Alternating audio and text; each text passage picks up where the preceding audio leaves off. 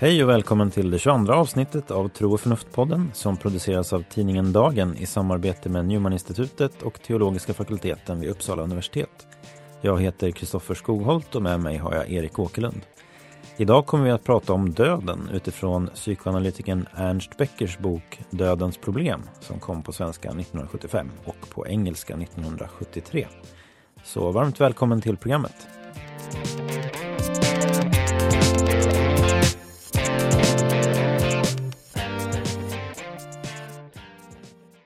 Ja, välkomna till det 22 avsnittet som sagt till Tro och förnuft-podden och vi kommer i två avsnitt nu att prata om döden och eh, när vi spelar in det här så är det den 31 oktober, det vill säga All Hallows Eve eller Halloween. Det stämmer väl inte i och för sig för allhelgonafton är på lördag. Alla själars dag är ju på lördag och, eh, men Halloween är den 31 oktober och eh, i Sverige så är allhelgona eh, infaller på helgen då i ett visst spann däremellan.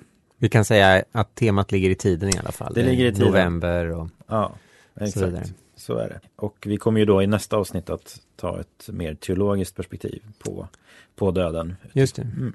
Så man kan väl säga att vi först eh, den här gången håller oss mer på allmänningen när det gäller eh, frågan om döden. Det är något som också kristna rör sig eh, och sen går över till just en mer teologisk behandling av döden och Kristi död och eh, människans förhållande till det nästa. Men som vi ska se här så, så håller vi inte riktigt isär det heller eftersom Ernst Becker själv är ganska teologisk, mm. om än han kommer in då till teologin från psykoanalysen. Men det, det ska vi mm. prata mer om lite senare här. Mm. mm. Har, har döden varit ett filosofiskt liksom, område för dig? Någonting som du har närmat dig som filosof? Eller det är ingenting som jag tänkt på. Det är lite roligt för eh, man brukar säga att döden är filosofins början. Eller att alla filosofer börjar filosofera utifrån någon form av rädsla för döden eller en reflektion kring döden. Eh, jag har inte tänkt på det på det sättet, men under senare år så har jag eh, faktiskt tänkt på det mer. Det kanske kommer med ålder också. Eh, och kan väl se hur, hur det ligger någonting i det och ser det också mer i hela den filosofiska traditionen. Vissa säger också att det här är ett manligt eh, problem. Nu sitter vi här två, två män och pratar om, om döden då, att, att det, upplevelsen och förhållande till sig har, har skilt sig mellan män och kvinnor. Att på ett sätt så är döden mer främ, har varit, döden varit mer främmande för män på ett sätt. Mm -hmm. För kvinnor så har döden funnits närmre eftersom man har levt närmare i, genera i, mellan generationer. Man har haft upplevt ofta att eh, man har haft flera barn som har dött tidigt. Man har levt nära de äldre som dör. Mm. Eh, och det här med att liv och död är väldigt nära sammankopplade i eh, traditionellt sett i en kvinnlig erfarenhet. Det här med blod till exempel står både för liv och död på ett väldigt naturligt sätt. Eh, och att det är man, manligt drag i, i filosofin, i filosofihistorien, det här med att döden är ett sånt stort problem. Mm -hmm. Finns det vissa som, okay. som säger det. Intressant. Ja, det här kände jag inte till. Men uh, det jag funderar på där är om, om, liksom, om budskapet på något sätt är att det finns väl en föreställning om att män lever lite mer distanserade kanske mot mm. relation till sina närmaste. Mm. Och eh, medan om du lever närmare dina, dina nära och kära så att säga så, så blir du så att säga delaktig i deras död mm. på ett annat sätt. Medans, och då blir kanske inte döden lika främmande om Nej. man nu får spekulera liksom. Relationen men, till mm, det ser annorlunda ut. Mm, men då blir liksom den individuella döden en, en mer eh, fasansfull tanke då kanske. Om man För män ja. ja att, och att det är någonting som man lever distanserat från och det som det som är distanserat är ju mer skrämmande mm. också ofta. Mm. Ja, just det.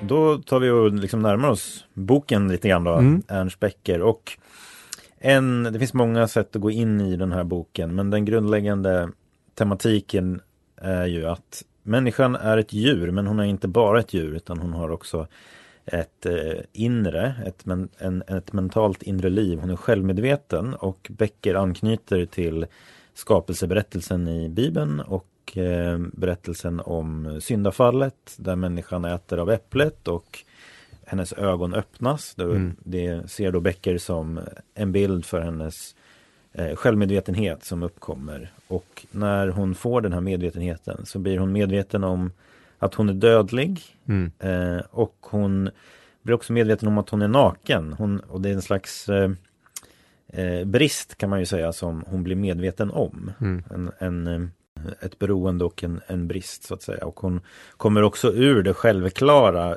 relationen till naturen mm. som så att säga kännetecknar djuren. Att de, de, dels har de en inre natur som, som eh, genom instinkter leder dem dit de ska. Men självmedvetenheten skapar ju också en frihet som gör mm. att människan eh, måste mera medvetet fatta beslut och ta ansvar för sina handlingar och sådär. Mm. Eh, och det är ju en väldigt eh, Eh, klargörande analys på många sätt av det, liksom det mänskliga tillståndet. Och mm. det här är det mänskliga tillståndet som, som är så att säga problemet. Vi vet om att vi ska dö och mm. vi vet om att vi är ändliga och begränsade på olika sätt. Och där det leder liksom till att Becker hävdar att när man går ner riktigt på djupet på de mänskliga problemen då handlar psykologi och religion om samma sak, nämligen mm. människans existentiella belägenhet. Mm.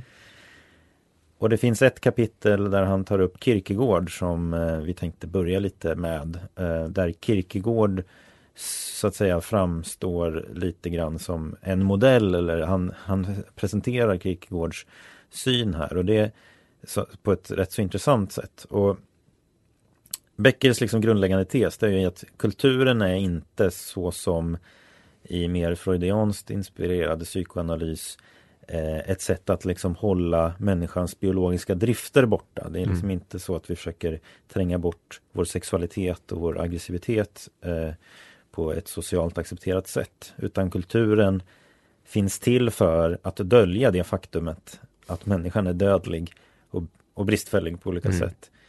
Så kulturen funkar väl då som de här fikonlöven som, mm. som en Adam och Eva sätter på sig själva. Mm. Ja, han, han beskriver ju själva människans belägenhet på ett egentligen väldigt tragiskt sätt. Han har en helt klar, väldigt väl uttalad dualism. Som att människan är dels kroppslig och dels då symbolisk kallar han det ibland, andlig ibland. Och det är en sorts tragik i den där relationen, inte alls något harmoniskt eh, förhållningssätt mellan, mellan dem.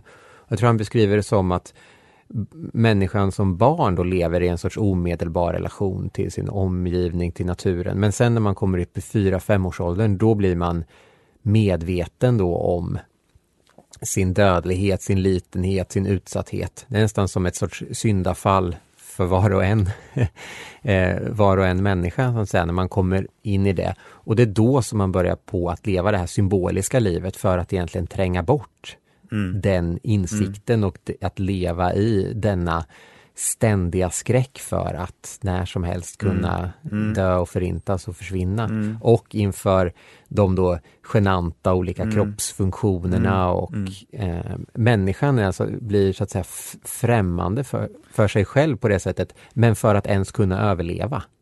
I ja. Jo, men det finns ju i hans bok eller i hans liksom eh, det han skriver så finns det ju så att säga något slags äckel nästan mm. för människans fysiska liksom, och kroppsliga mm. Så att det är ju ehm, Ja, han menar att människor har det. Ja, mm. jo men precis och jag, jag, kan tycka att det finns i hans ton mm. också på något sätt. Um, så, och, men, mm. men för att gå tillbaka till det här Kierkegaard-temat då så mm. är det väl just så att han menar att e-, egentligen är det inte bara han, det är en, en, en tidigare psykoanalytiker som heter Otto Rank som man egentligen hänvisar tillbaks till att det är som han är som samtida med Freud. Mm. Precis, som mm. var den då som så att säga, återupptäckte Kierkegaard på det här området och relaterade det. Han kallar honom för en postfreudian före Freud.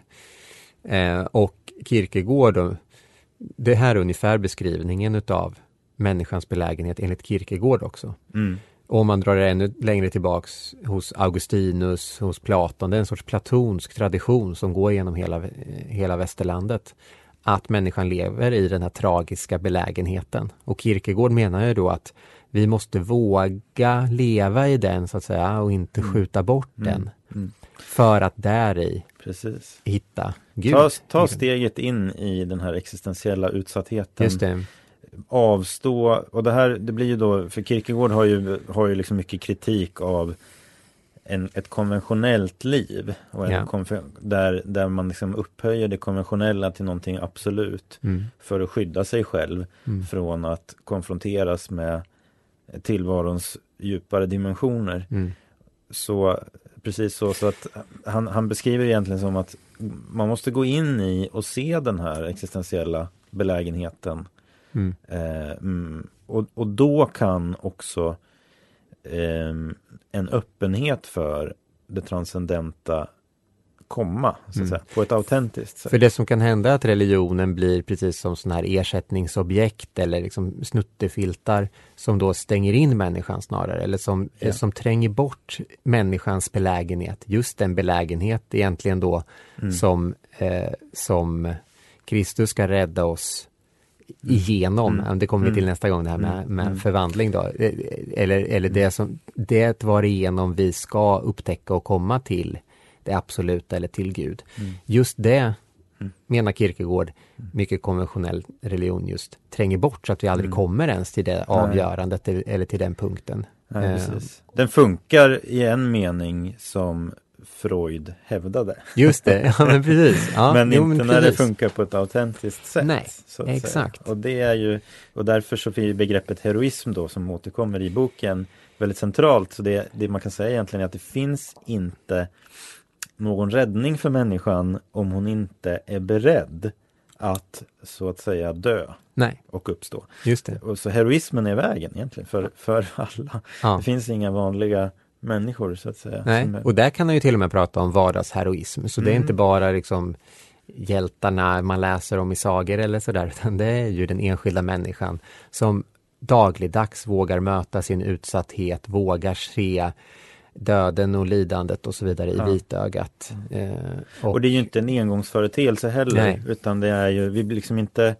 klara med det utan vi återkommer till det. Visst. Så att det är ju det är mer som en, en, eh, en, en den här trons attityd är någonting som som eh, återskapas genom död och uppståndelse så att säga. och där är ju sånt som vissa eh, mentala ska man säga, mentala sjukdomar eller alltså, mentala störningar, det vill säga neuroser och annat sånt kan vara en förvriden eller uppförstorad form utav någonting som varje människa egentligen gör eh, på en mindre skala för att, för att kunna hantera den här vardagen. Då.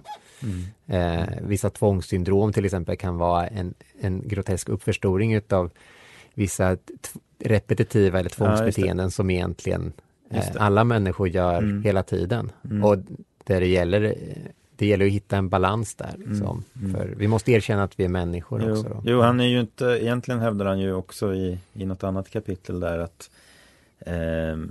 vi, be, vi behöver så att säga kulturens filter Precis. eh, också. Men det gäller liksom att det, det blir lite oklart för hur han liksom hur han egentligen tänker sig eh, vad den ideala positionen är. Men om vi bara stannar lite vid Kierkegaard så är ju Kirk, i, I kapitlet om Kierkegaard så, så, så tecknar ju eh, Becker ett antal olika attityder och en attityd eh, benämner han Filistin, Filistin på engelska. Vet, vad är det, är det filisté eller vad är ordet i den svenska översättningen? Och, jag minns inte. Nej. Ja just det, och det är ett begrepp som, som är myntat av en engelsk författare som heter Matthew Arnold som, som det är liksom den människa som stänger ute kulturen och den, liksom den existentiella dimensionen av tillvaron. Mm. Ehm, och sen, ehm, sen så finns det den här som liksom fullt ut hänger sig i aktivitet och sensualitet och sådär. Men som gör det utan att vara riktigt rotad. Mm. Så att säga. Så det är en flykt. Eh, och ehm, ja, den introverta personen som tar lite mer den här frågan om vem hon är på allvar och så. Och det finns en större distans till kulturen. Det är, väl, det är ofta det som blir så att säga eh, eh, uttrycket för att man lever inautentiskt då, att man liksom gör så som man bör göra Mm. eh, och inte konfronteras då med, med det här att man är en individ som lever i ett universum och kommer att dö och liksom Mm. sådär. Men då är det den självtranscendensen ändå vägen och där är trons attityd är på något sätt att bejaka ens belägenhet i kosmos men så att säga kunna in, inta en, en, en bejakande Mm. på något sätt eh, och liksom för den troende i slutändan därför att det är Gud som är är, em, är den yttersta horisonten. Mm. Mm. Jag tänkte bara säga en kort sak om det här med att, att eh, man inte riktigt vet i slutändan vad, vad han vill säga. Jag tror att det tillhör den här genren. Han säger många intressanta saker och har många intressanta. Resonemang, men i slutändan tror jag inte att det går ihop på det sättet. Men, Nej. men han har ett eh, bra citat i början tycker Mm, jag rörande, eh, rörande det här med olika eh, tänkesätt och teorier och sånt där. Just att eh, man kan egentligen lära sig av alla och han själv är väldigt eklektisk. Han tar in tankar från väldigt många olika håll.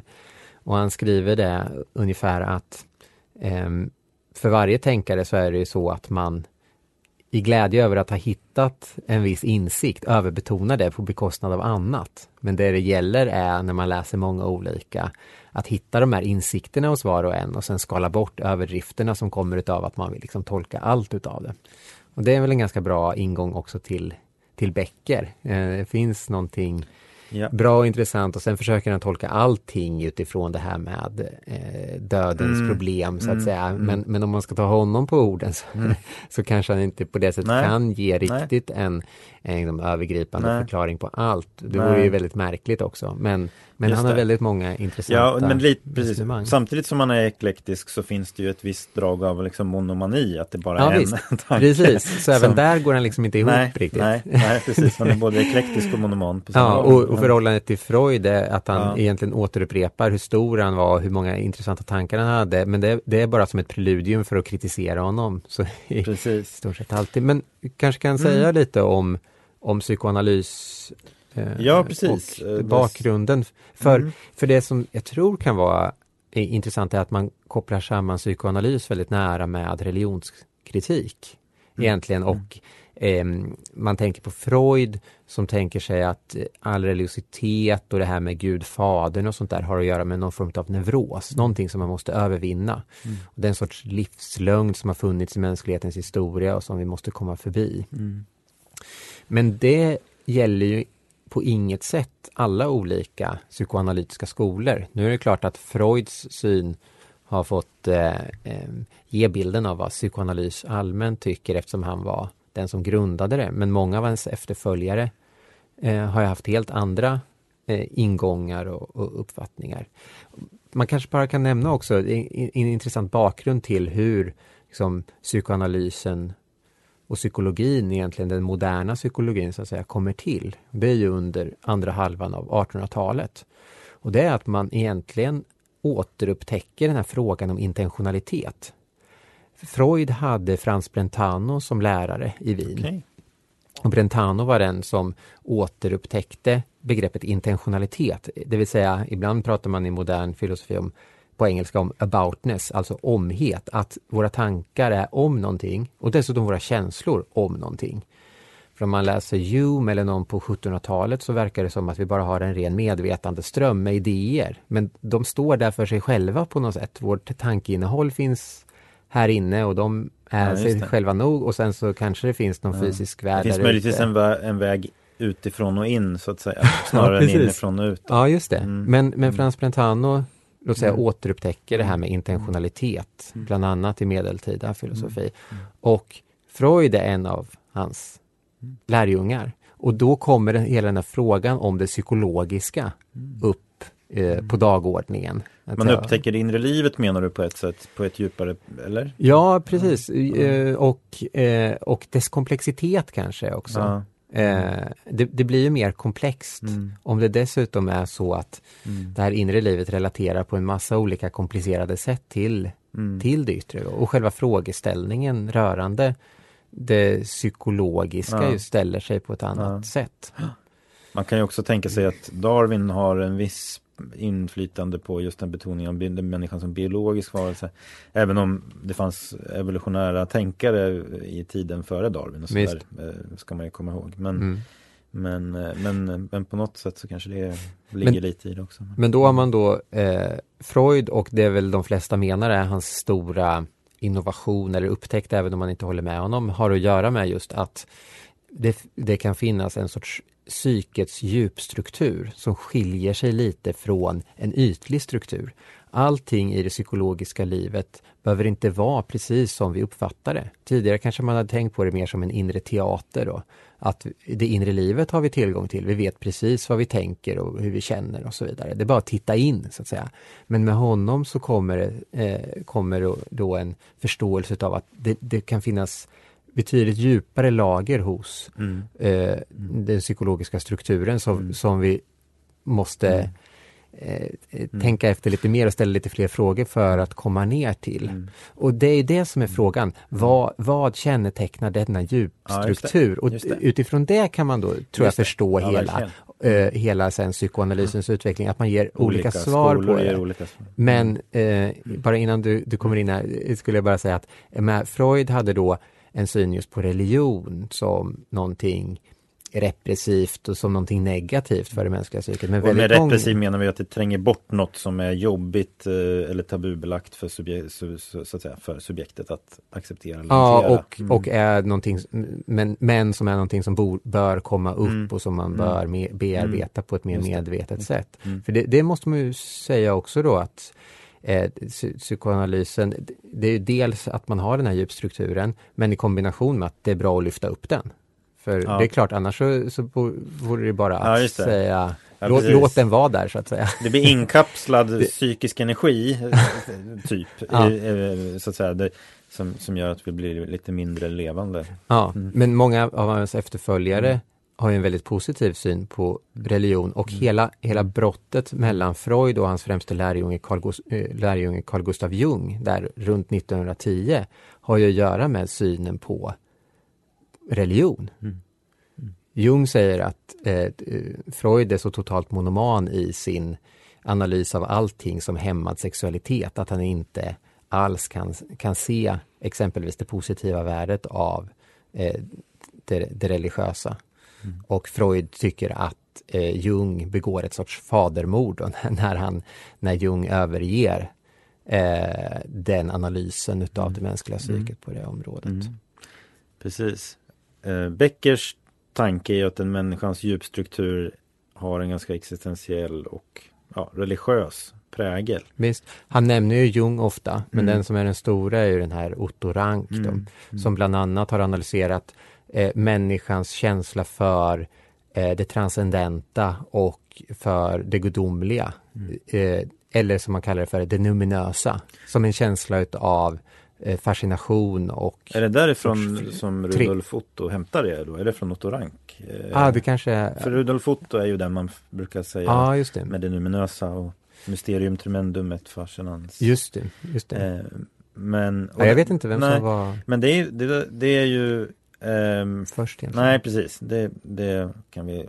De har säkert båda behandlat det eh, i varje fall.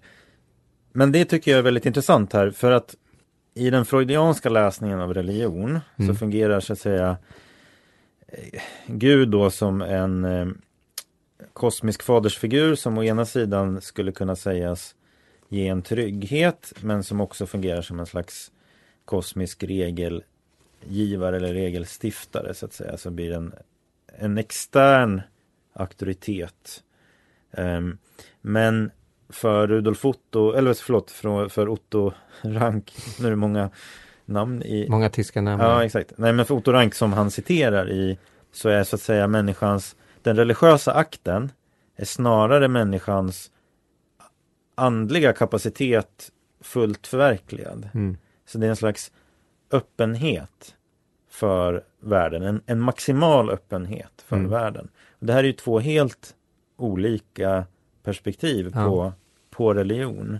Och eh, jag kan ju inte låta bli att tycka att det finns en slags förenklad föreställning om religion i mycket religionskritik. Mm. Alltså man gör det så att säga först till någonting infantilt som det kan vara, precis som alla andra Ja, mänskliga precis. områden kan vara det. Ehm, liksom sex kan vara jättetvångsmässigt liksom, Mm. men det måste inte vara ehm, en, eh, en rättvis bild av vad sex är så att säga. Mm. Så, och sen ta avstånd från hela den domänen. Så att Mm. Eh, så att det Fotboll med fotbollshuliganer. Exakt, allt, som, allt mänskligt har infantila varianter så att säga. Mm. Eh, så det, det, det är ju väldigt klargörande att liksom se att det här är, handlar om egentligen vad är den, det existentiella och så att säga andliga som inte i första ledet behöver förstås som övernaturligt men Mm. bara människans liksom att hon är ett inre, ett symboliskt själv som, som Mm. eh, Ernst Becker skriver. Mm. Och, och när kommer det till blomning Mm. så att säga? Eh, och, och frågan här är ju liksom då, är människans andliga ehm, och då inte nödvändigtvis i övernaturlig mening men ändå andliga karaktär, är det liksom bara ett uttryck för en tragik? Eller är det, eller är det så att säga en nyckel på något sätt till existensen? Det är ju där en det är där det på något sätt Och Becker säger väl både och egentligen. Ja, Det, det är det, människan för en tragisk, mm, har, har en sorts tragisk grundkonstitution. Precis. Men det är Men- oklart dock om det är sista ordet. Ja, visst. Det, det är inte, han, han, han verkar liksom eh, Han verkar ju positiv till tanken på Gud, liksom Mm. i den meningen att det är ju dit Det är dit vi rör oss Mm. liksom.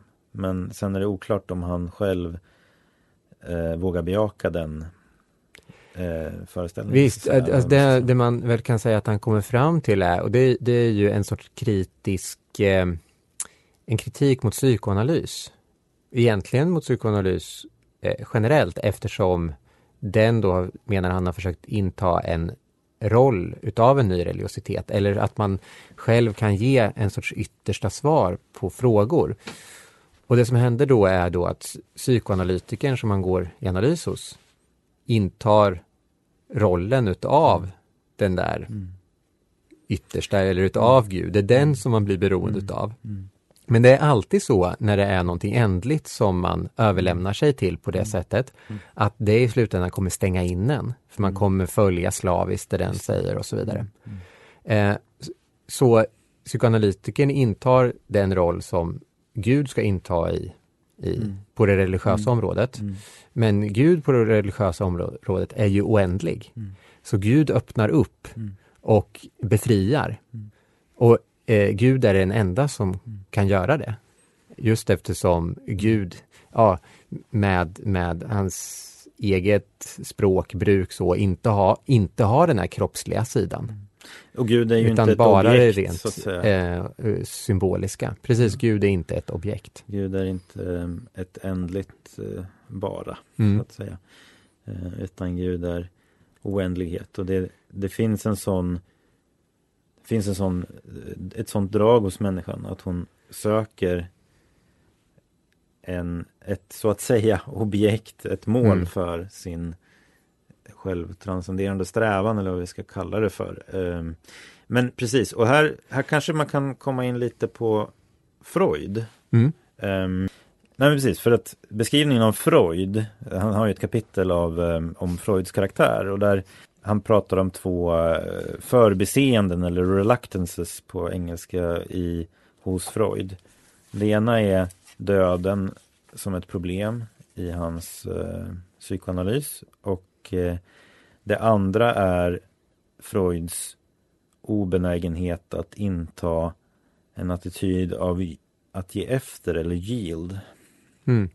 Eh, alltså en, en slags överlåtelse, en slags passivitet, men en överlåtelse till någon, någonting utöver sig själv då. Men, men, men han, för, för, han menar som att Freud gör om alla problem till eh, liksom en konfliktrelation till sexualitet. Mm. Så han tar liksom människans problem Då har, liksom, då har psykoanalysen gjort om det till ett problem som man kan lösa. Just det. Eh, så att man letar liksom där, inte efter där nyckeln är tappad utan där gatlyktan lyser. Om man har en hammare så allt spikar. Ja, liksom. ja Mm. precis. Och sen den här, um, så att säga, att inte ge efter och det kopplar han ihop med att han menar att Freud har en väldigt stark ambition av att vara sin egen skapare så att säga, eller sin egen grund. Mm. Så han pratar om en ka- causa sui som, Causa sui. ja, precis, Sin, sin egen orsak. Så att säga. Just det. Det kommer ju Eh. tillbaks till väldigt mycket. Ja, Mm. och att det är en intressant ehm, eh, reflektion där kring alltså behovet av att gå in i någonting större än en själv. Mm. För det, det är egentligen, det är väl där att bara, det som, som du sa tidigare, att, att göra det på ett autentiskt sätt kräver ju att det går in i är absolut och Mm. oändligt. För att Mm. annars så blir det det som Freud var rädd för. Ja, att jag liksom överför, projicerar saker på ett ändligt objekt som, som då blir en, en fetisch så att säga. Och, som, Mm. som, ehm, eh, och, och finns inte Gud då så blir det väl kanske så att man får akta sig jättemycket för den här Mm. ge efter impulsen så att Mm. säga. Ja, jag vet inte. Det, det är, men samtidigt så kan man ju säga så här att även det blir ju också lite dualistiskt i den meningen att allt i världen så att säga bara ses ur sin ändliga aspekt. För om man Mm. har en transcendent förståelse av världen så kan ju det ändliga ses i relation till det transcendenta som ett ändligt uttryck för någonting oändligt. Man har så att säga en mer sakramental förståelse. Mm. Och då är det inte så att det behöver vara så att kärleken till nästan är så att säga bara till det objektet utan man älskar Gud i den andra på ett sätt. Mm. Jag håller med dig. Ja. Eh, Det, det ligger inte är om riktigt i Becker Becker. Nej. Becker Nej. har Nej. betydligt mer dikotomt eller eh, liksom motsatsförhållande tänkande. Mm. Eh, Och det, det, det blir som kroppslighet och andlighet går verkligen inte ihop. nej, de liksom. går verkligen inte ihop utan Nej. vi måste hitta, det är en tragisk eh, splittring som vi måste hi- hitta ett förhållningssätt att kunna leva i ungefär. Mm. Mm. Eh, det, det är ambitionen. Mm. Eh, Mm. Men det var intressant det du sa om, om causa sui, om jag bara får ta upp det, det här med att vara sin egen orsak, för det är ju någonting han säger eh, håller mot Freud då. Men det är ju en väldigt viktig del utav, ska man säga, eh, vår, eh, den livslögn som många utav oss lever i just. Att vi är vår egen orsak, att vi inte är bestämda av någonting utifrån, det vill säga att vi har full kontroll och så vidare. Och det tycker jag man märker, det kommer jag själv i alla fall tillbaks till ständigt att jag tycker att ja, nu har jag ordnat saker och ting på det sättet, nu har jag kontroll här. Ungefär fem sekunder efter det händer någonting som gör att man inser att man inte har det. Liksom. Och eh, döden är ju det yttersta exemplet på det, för han kommer in på det lite i slutet om de här tankarna om att vi ska kunna leva i 900 år eller liksom, förlänga vårt liv eller leva i någon form av ganska utopiskt rike. Men hur utopiskt det är så kvarstår eh, risken. Så länge det finns bilar så kan de om fem sekunder gå ut på gatan och bli ihjälkörd. Liksom. Mm. Det, och det är den, den mänskliga belägenheten. Mm. Och att, att ständigt leva inför den rädslan då, Mm. det är, det är någonting säga, icke-fungerande och dåligt och sjukt i det. Mm. Mm. Men att däremot helt förneka den Mm. är ju också någonting dåligt och, Mm. och leder till ett sjukt Mm. förhållningssätt. Så Mm. därav just det här att försöka hitta Mm. en sorts lagom Mm. mellanting där Mm. med, Mm. med att kunna leva ett hanterbart liv och ändå och där tycker jag att det här med heroism då kommer in, för den, den är inte så framträdande i själva så mycket det han skriver tycker jag, men om man tittar på Boken är uppdelad i tre delar och den första delen har namnet Heroismens djuppsykologi. Mm. Den andra har namnet Heroismens brister och den tredje Återblick och avslutning, Heroismens dilemman. Så heroism är ju det grundläggande temat enligt honom för den här boken. Och han- eh, också som en sorts, i sin dedikation till sina föräldrar så, så säger han att de, det han eh, främst har fått från dem är en förvirrad uppfattning om heroism som han tackar dem för. Och där tycker jag man ser en koppling till en sån som Jordan Peterson. Eh, Jordan Peterson har bland annat pratat om den här boken av Becker då, som att han, han har fel på ett intressant sätt. han, mm. han, tycker att det, det, finns mycket i det, men, mm. men att eh, eh, den också leder vidare. För just heroism är ju egentligen en viktig, ett viktigt tema för Jordan Peterson också. Mm. Och just eh, att man i den moderna världen inte får leva på ett heroiskt sätt. Det vill säga i största delen av världshistorien så har människor behövt en sorts heroism och det har varit mer tydligt eftersom livet i stort har varit mer riskfyllt. Så bara att gå upp och göra det man ska under dagen innebär. Innebar en, en stor heroism. Mm. Mm. Det gör det idag egentligen också, mm. men det moderna samhället distraherar oss bort från det eller mm. gör så att vi inte uppfattar mm. att, att det är så. Då. Och tillåter oss inte att få leva ut det. Och det tycker jag det är mycket av kärnan i det Jordan Peterson tar ja, upp. Det är väldigt, det, det, finns någonting, jag håller helt med dig om att, att eh, det är ett liksom, genomgående budskap hos Peterson att liksom ta ditt liv på allvar. Mm. Eh, väx upp så att säga i relation till dina Visst. utmaningar och så här. Och världen är hemsk, kan man också ja, säga. Det. det är också, liksom, för det är ju Becker. Världen innehåller lidande. Vär, världen innehåller Precis. Ja, jo men exakt. Och du, måste, och är... du måste helt enkelt mm. leva i det och mm. hitta ett sätt jo. att liksom, Jo, och det finns ju de som, som hävdar att en anledning till att den psykiska ohälsan ökar är att vi lever i en föreställning om att världen ska vara väldigt enkel och, mm. och det ska vara väldigt lätt och framgångsrikt och sådär. Mm. Så vi blir väldigt oförberedda på den verkliga världen. Eh, och där är ju Peterson en bra så att säga antidot till det. Mm. Samtidigt finns det någonting i Petersons budskap som man skulle kunna säga på ytan vänder sig emot en heroism. Och det är ju att han, men det är ju kanske ett, ett, på ett ytligt plan på ett sätt, men han är ju väldigt sådär Nej, försök inte att rädda världen nu utan ta hand om liksom Get your own house in order. Så på ett plan så skulle man ju då kunna tolka det så här som ett försvar för Gör din, gör din liksom konventionella dygd om du mm. förstår hur jag menar. Som, som Kierkegaard så att säga då.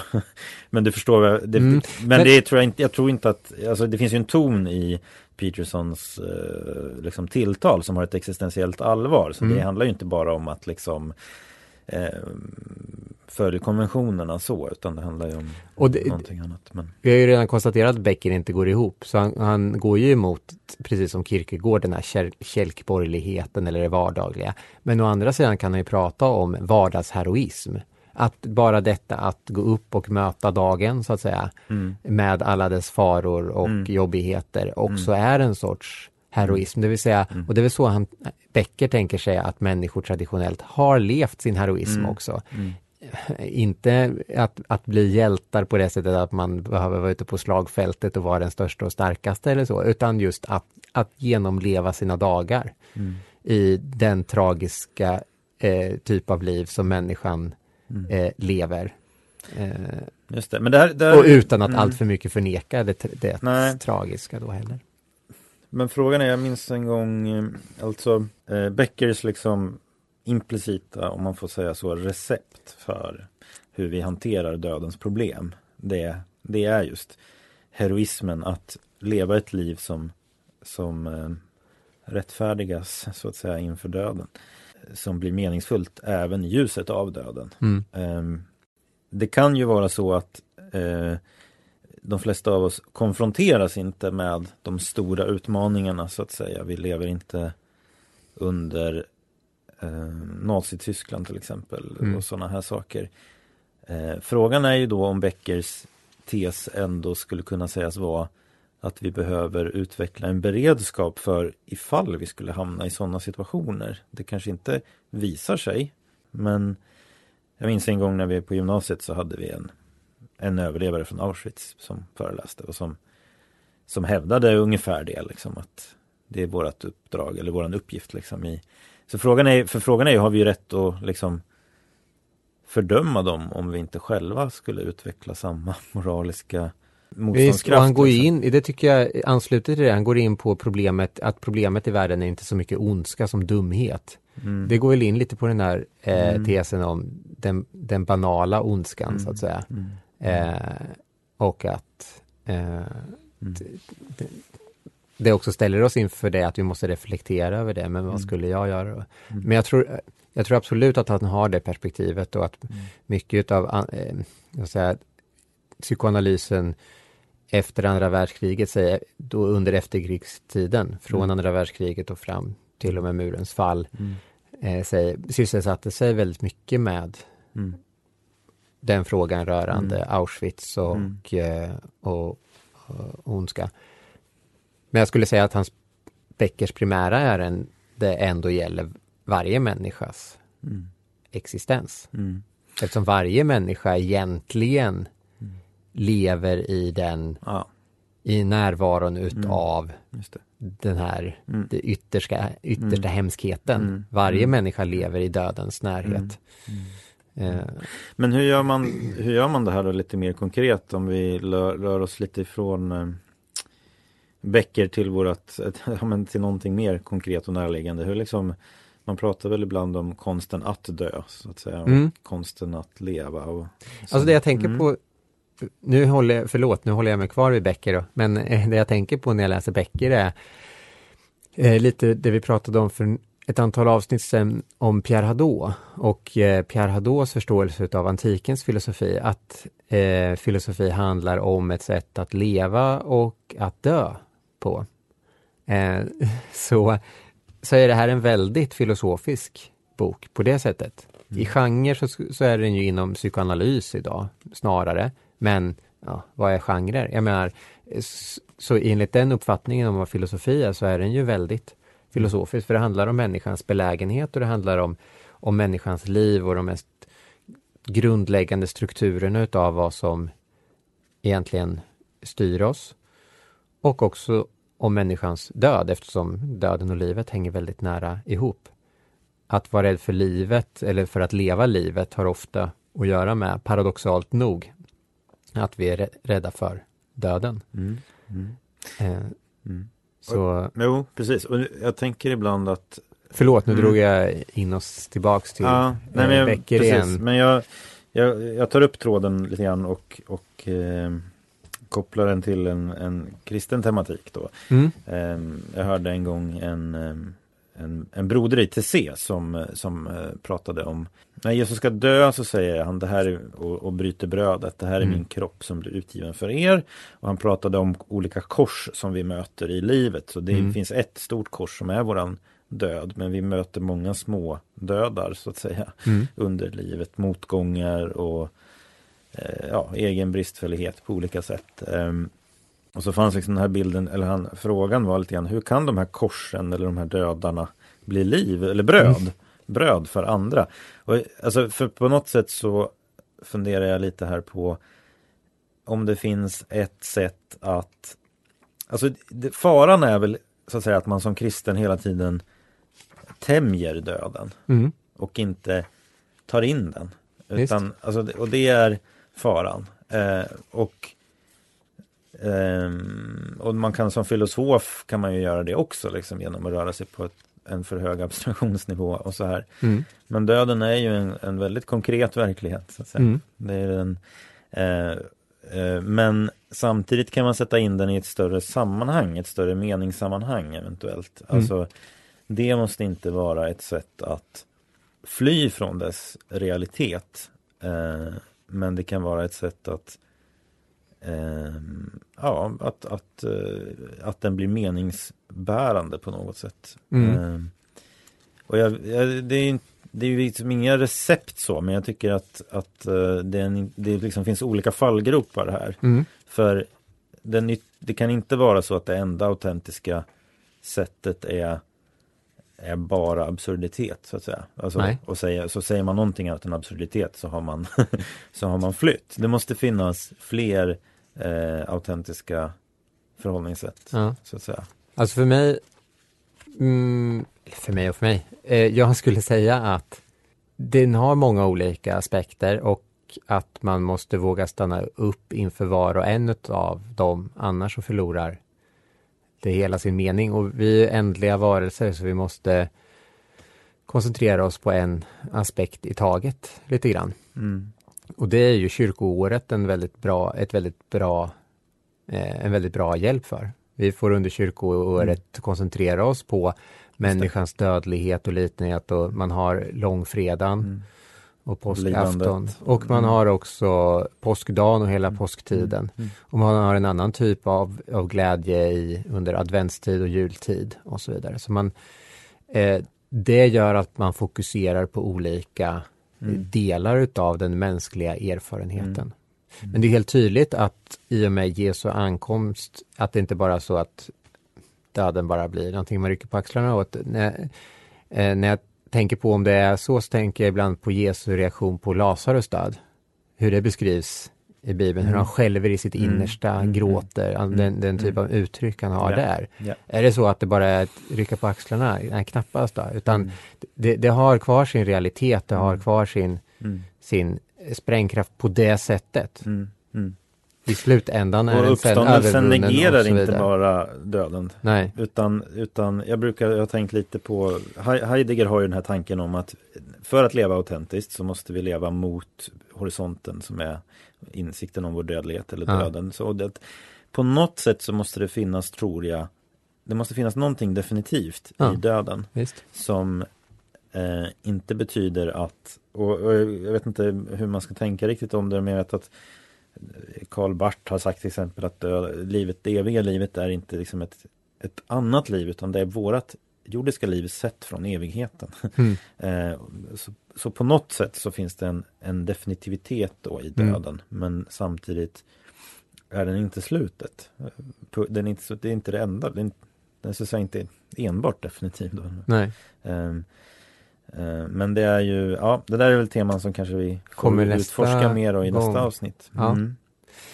Får jag bara, det var ju en väldigt snygg avslutning egentligen, men får jag bara eh, ta upp en sak med, med Becker som jag tycker är väldigt viktigt bara att adressera och som jag tycker är väldigt problematiskt. Eh, och det är att göra den här kopplingen allt för nära mellan en sorts existentiell hållning å ena sidan och eh, mental sjukdom eller olika mentala handikapp. Eh, eh, eh Mm. All, att göra det allt för nära. Mm. Och för det första tror jag att det är fel. Eh, jag tror inte att de två behöver eh, hänga ihop. Och för det andra, och varför det är viktigt att adressera det, är ju för att det ofta i många sammanhang är skambelagt med, med att ha olika eh, psykiska sjukdomar och eh, mentala svårigheter. Eh, och där tror jag att även om det är bra eh, att göra på det sättet att man kopplar det psykologiska med det andliga och, ex och existentiella, så måste man också hålla isär dem, precis som att man kan hålla isär kroppslighet och det psykologiska utan att sätta in dem i olika världar. Mm. Men de är inte samma sak och det måste också få ha sin egen autonomi, den här psykologiska mm. eh, eh, världen. Mm. Eh, så det tycker jag bara är en, en, sån här, en viktig poäng och det har mm. pratats mycket om det med rätta om att det är skambelagt också i kristna miljöer mm. med eh, eh mentala sjukdomar och svårigheter. Mm. Så eh, mm. en, liten, en, en liten Det är nästan som man kan uppleva en slags psykoanalytisk tendens till det här att man har liksom en stor idé och sen förklarar den allt. Liksom. Precis, och jag tror att det är väldigt vanligt också, ett, ett sorts uttryck för 70-talet som finns med här av att man eh, i väldigt hög grad ville förklara i stort sett alla eh, psykologiska sjukdomar och psykologiska problem med i någon form av psykoanalytiska mm, just det. Termer. Det fanns inga biologiska Det fanns inga biologiska aspekter. exempelvis aspekter på det eller, eh, eller, mm. eller någonting sånt. Nej, och, men det som du säger, det har att göra med den här dragningen åt totalförklaringen mm. eh, till, mm. eh, till allting som finns hos psykoanalys. Precis. Mm. mm. Eh, det kanske blir läge att avrunda i och med det, mm. tror jag. Eh, det var spännande läsning eh, och eh, så som och vi tar upp tråden som ja, sagt rörande precis. det här med mm. döden som eh, förvandling ja, egentligen precis. då och vad mm. det innebär. Mm. Boken Nästa heter gång. Death as Transformation. Mm. mm. Ja, välkomna att lyssna då. Tack för idag. Tack.